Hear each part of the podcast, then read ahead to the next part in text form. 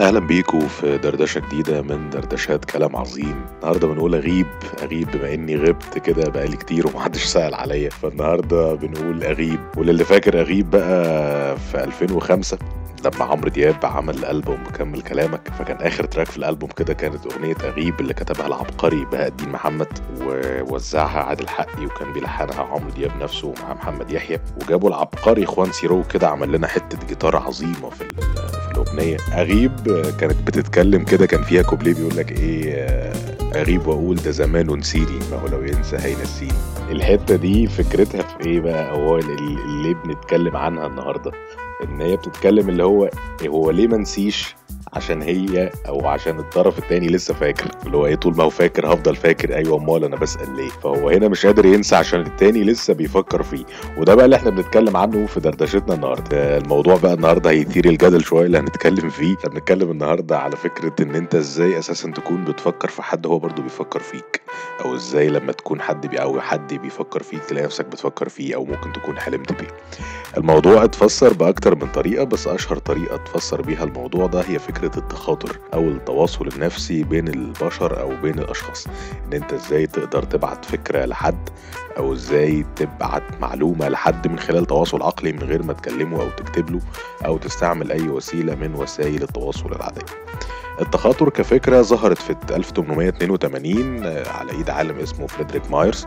طبعا ناس كتير هجمته ناس كتير لحد النهارده بتنتقد فكرة التخاطر وبتقول إن هي حاجة مش حقيقية أو حاجة مش موجودة برغم إن في حوادث كتير جدا في التاريخ بتشهد على عملية التخاطر دي وفكرة صحتها وإن هي حصلت. يمكن أشهر كمان الحاجات اللي بت بتناقش القصة دي. فكرة استخدام الاتحاد السوفيتي لموضوع التخاطر كوسيلة للأخبار والمعلومات استخباراتيا يعني إن أنت إن هم كانوا بينقلوا الأخبار أو المعلومات للجنود بتوعهم في مواقع الحرب من خلال التخاطر وبيقال إن العملية دي نجحت. وأثبتت كفاءة يعني كان فيها نسبة خطأ مش كبيرة في نقل المعلومة وفي نفس الوقت كانت طبعا وسيلة آمنة لأن مفيش أي طريقة تقدر تراقب بيها فكرة التخاطر. آه التجارب كمان اتعملت في, في الهند وكذا دولة تانية برضو لموضوع استخدام التخاطر في العمليات العسكرية والكلام ده كله وبرضو كانت نسب الخطأ تتراوح بين 1% و 11% آه التخاطر فكرته إن أنت إزاي تتواصل مع بني آدم أو إزاي تنقل لشخص آه معلومة أو كلمة أو عاوز تقول لحد حاجة من غير ما يكون في تواصل بينكم. الموضوع الناس بتقول إن أنت عشان تقدر تعمل التخاطر ده فأنت محتاج تكون موجود في مكان هادي يفضل كمان يكون بالليل علشان الشخص اللي مستقبل للرسالة بتاعتك يكون نايم فبالتالي يكون عقله اللاواعي هو المسيطر على الموضوع فيقدر يستقبل الرسالة بتاعتك بسهولة. إزاي بقى ممكن تعمل التخاطر أو كده؟ دي نقطة مش هنتطرق لها النهاردة الحقيقة علشان ما نكونش بن بنروج للقصة دي طالما في جدال حواليها إن هي صح أو غلط أو ال ال القصة دي كلها.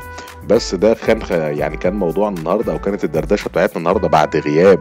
لما جينا نقول اغيب كده وحبينا نفتكر مع بعض عمرو دياب وهو بيقول اغيب اغيب والجملة العبقرية بتاعت بهادين محمد لما كان بيقول اغيب وأقول ده زمان ونسيني ما هو لو ينسى هينسيني. طول ما هو فاكر هفضل فاكر. أيوه أمال أنا بسأل ليه؟ فهي دي الفكرة إن هو أنت طول ما أنت فاكر طول ما أنت بتفكر في شخص أعرف إن في الشخص ده الناحية التانية بيفكر فيك بشكل أو بآخر. هل ده صح؟ هل ده غلط؟ ممكن تدور وتقدر تتأكد من المعلومة بنفسك حسب وجهة نظرك. بس إحنا النهارده كنا كنا بندردش دردشة خفيفة بما إن إحنا بقالنا كتير ما بندردش مع بعض. شكرا ليكم وإن شاء الله نتقابل الدردشة الجاية من كلام عظيم وما غيبش عنكم كتير.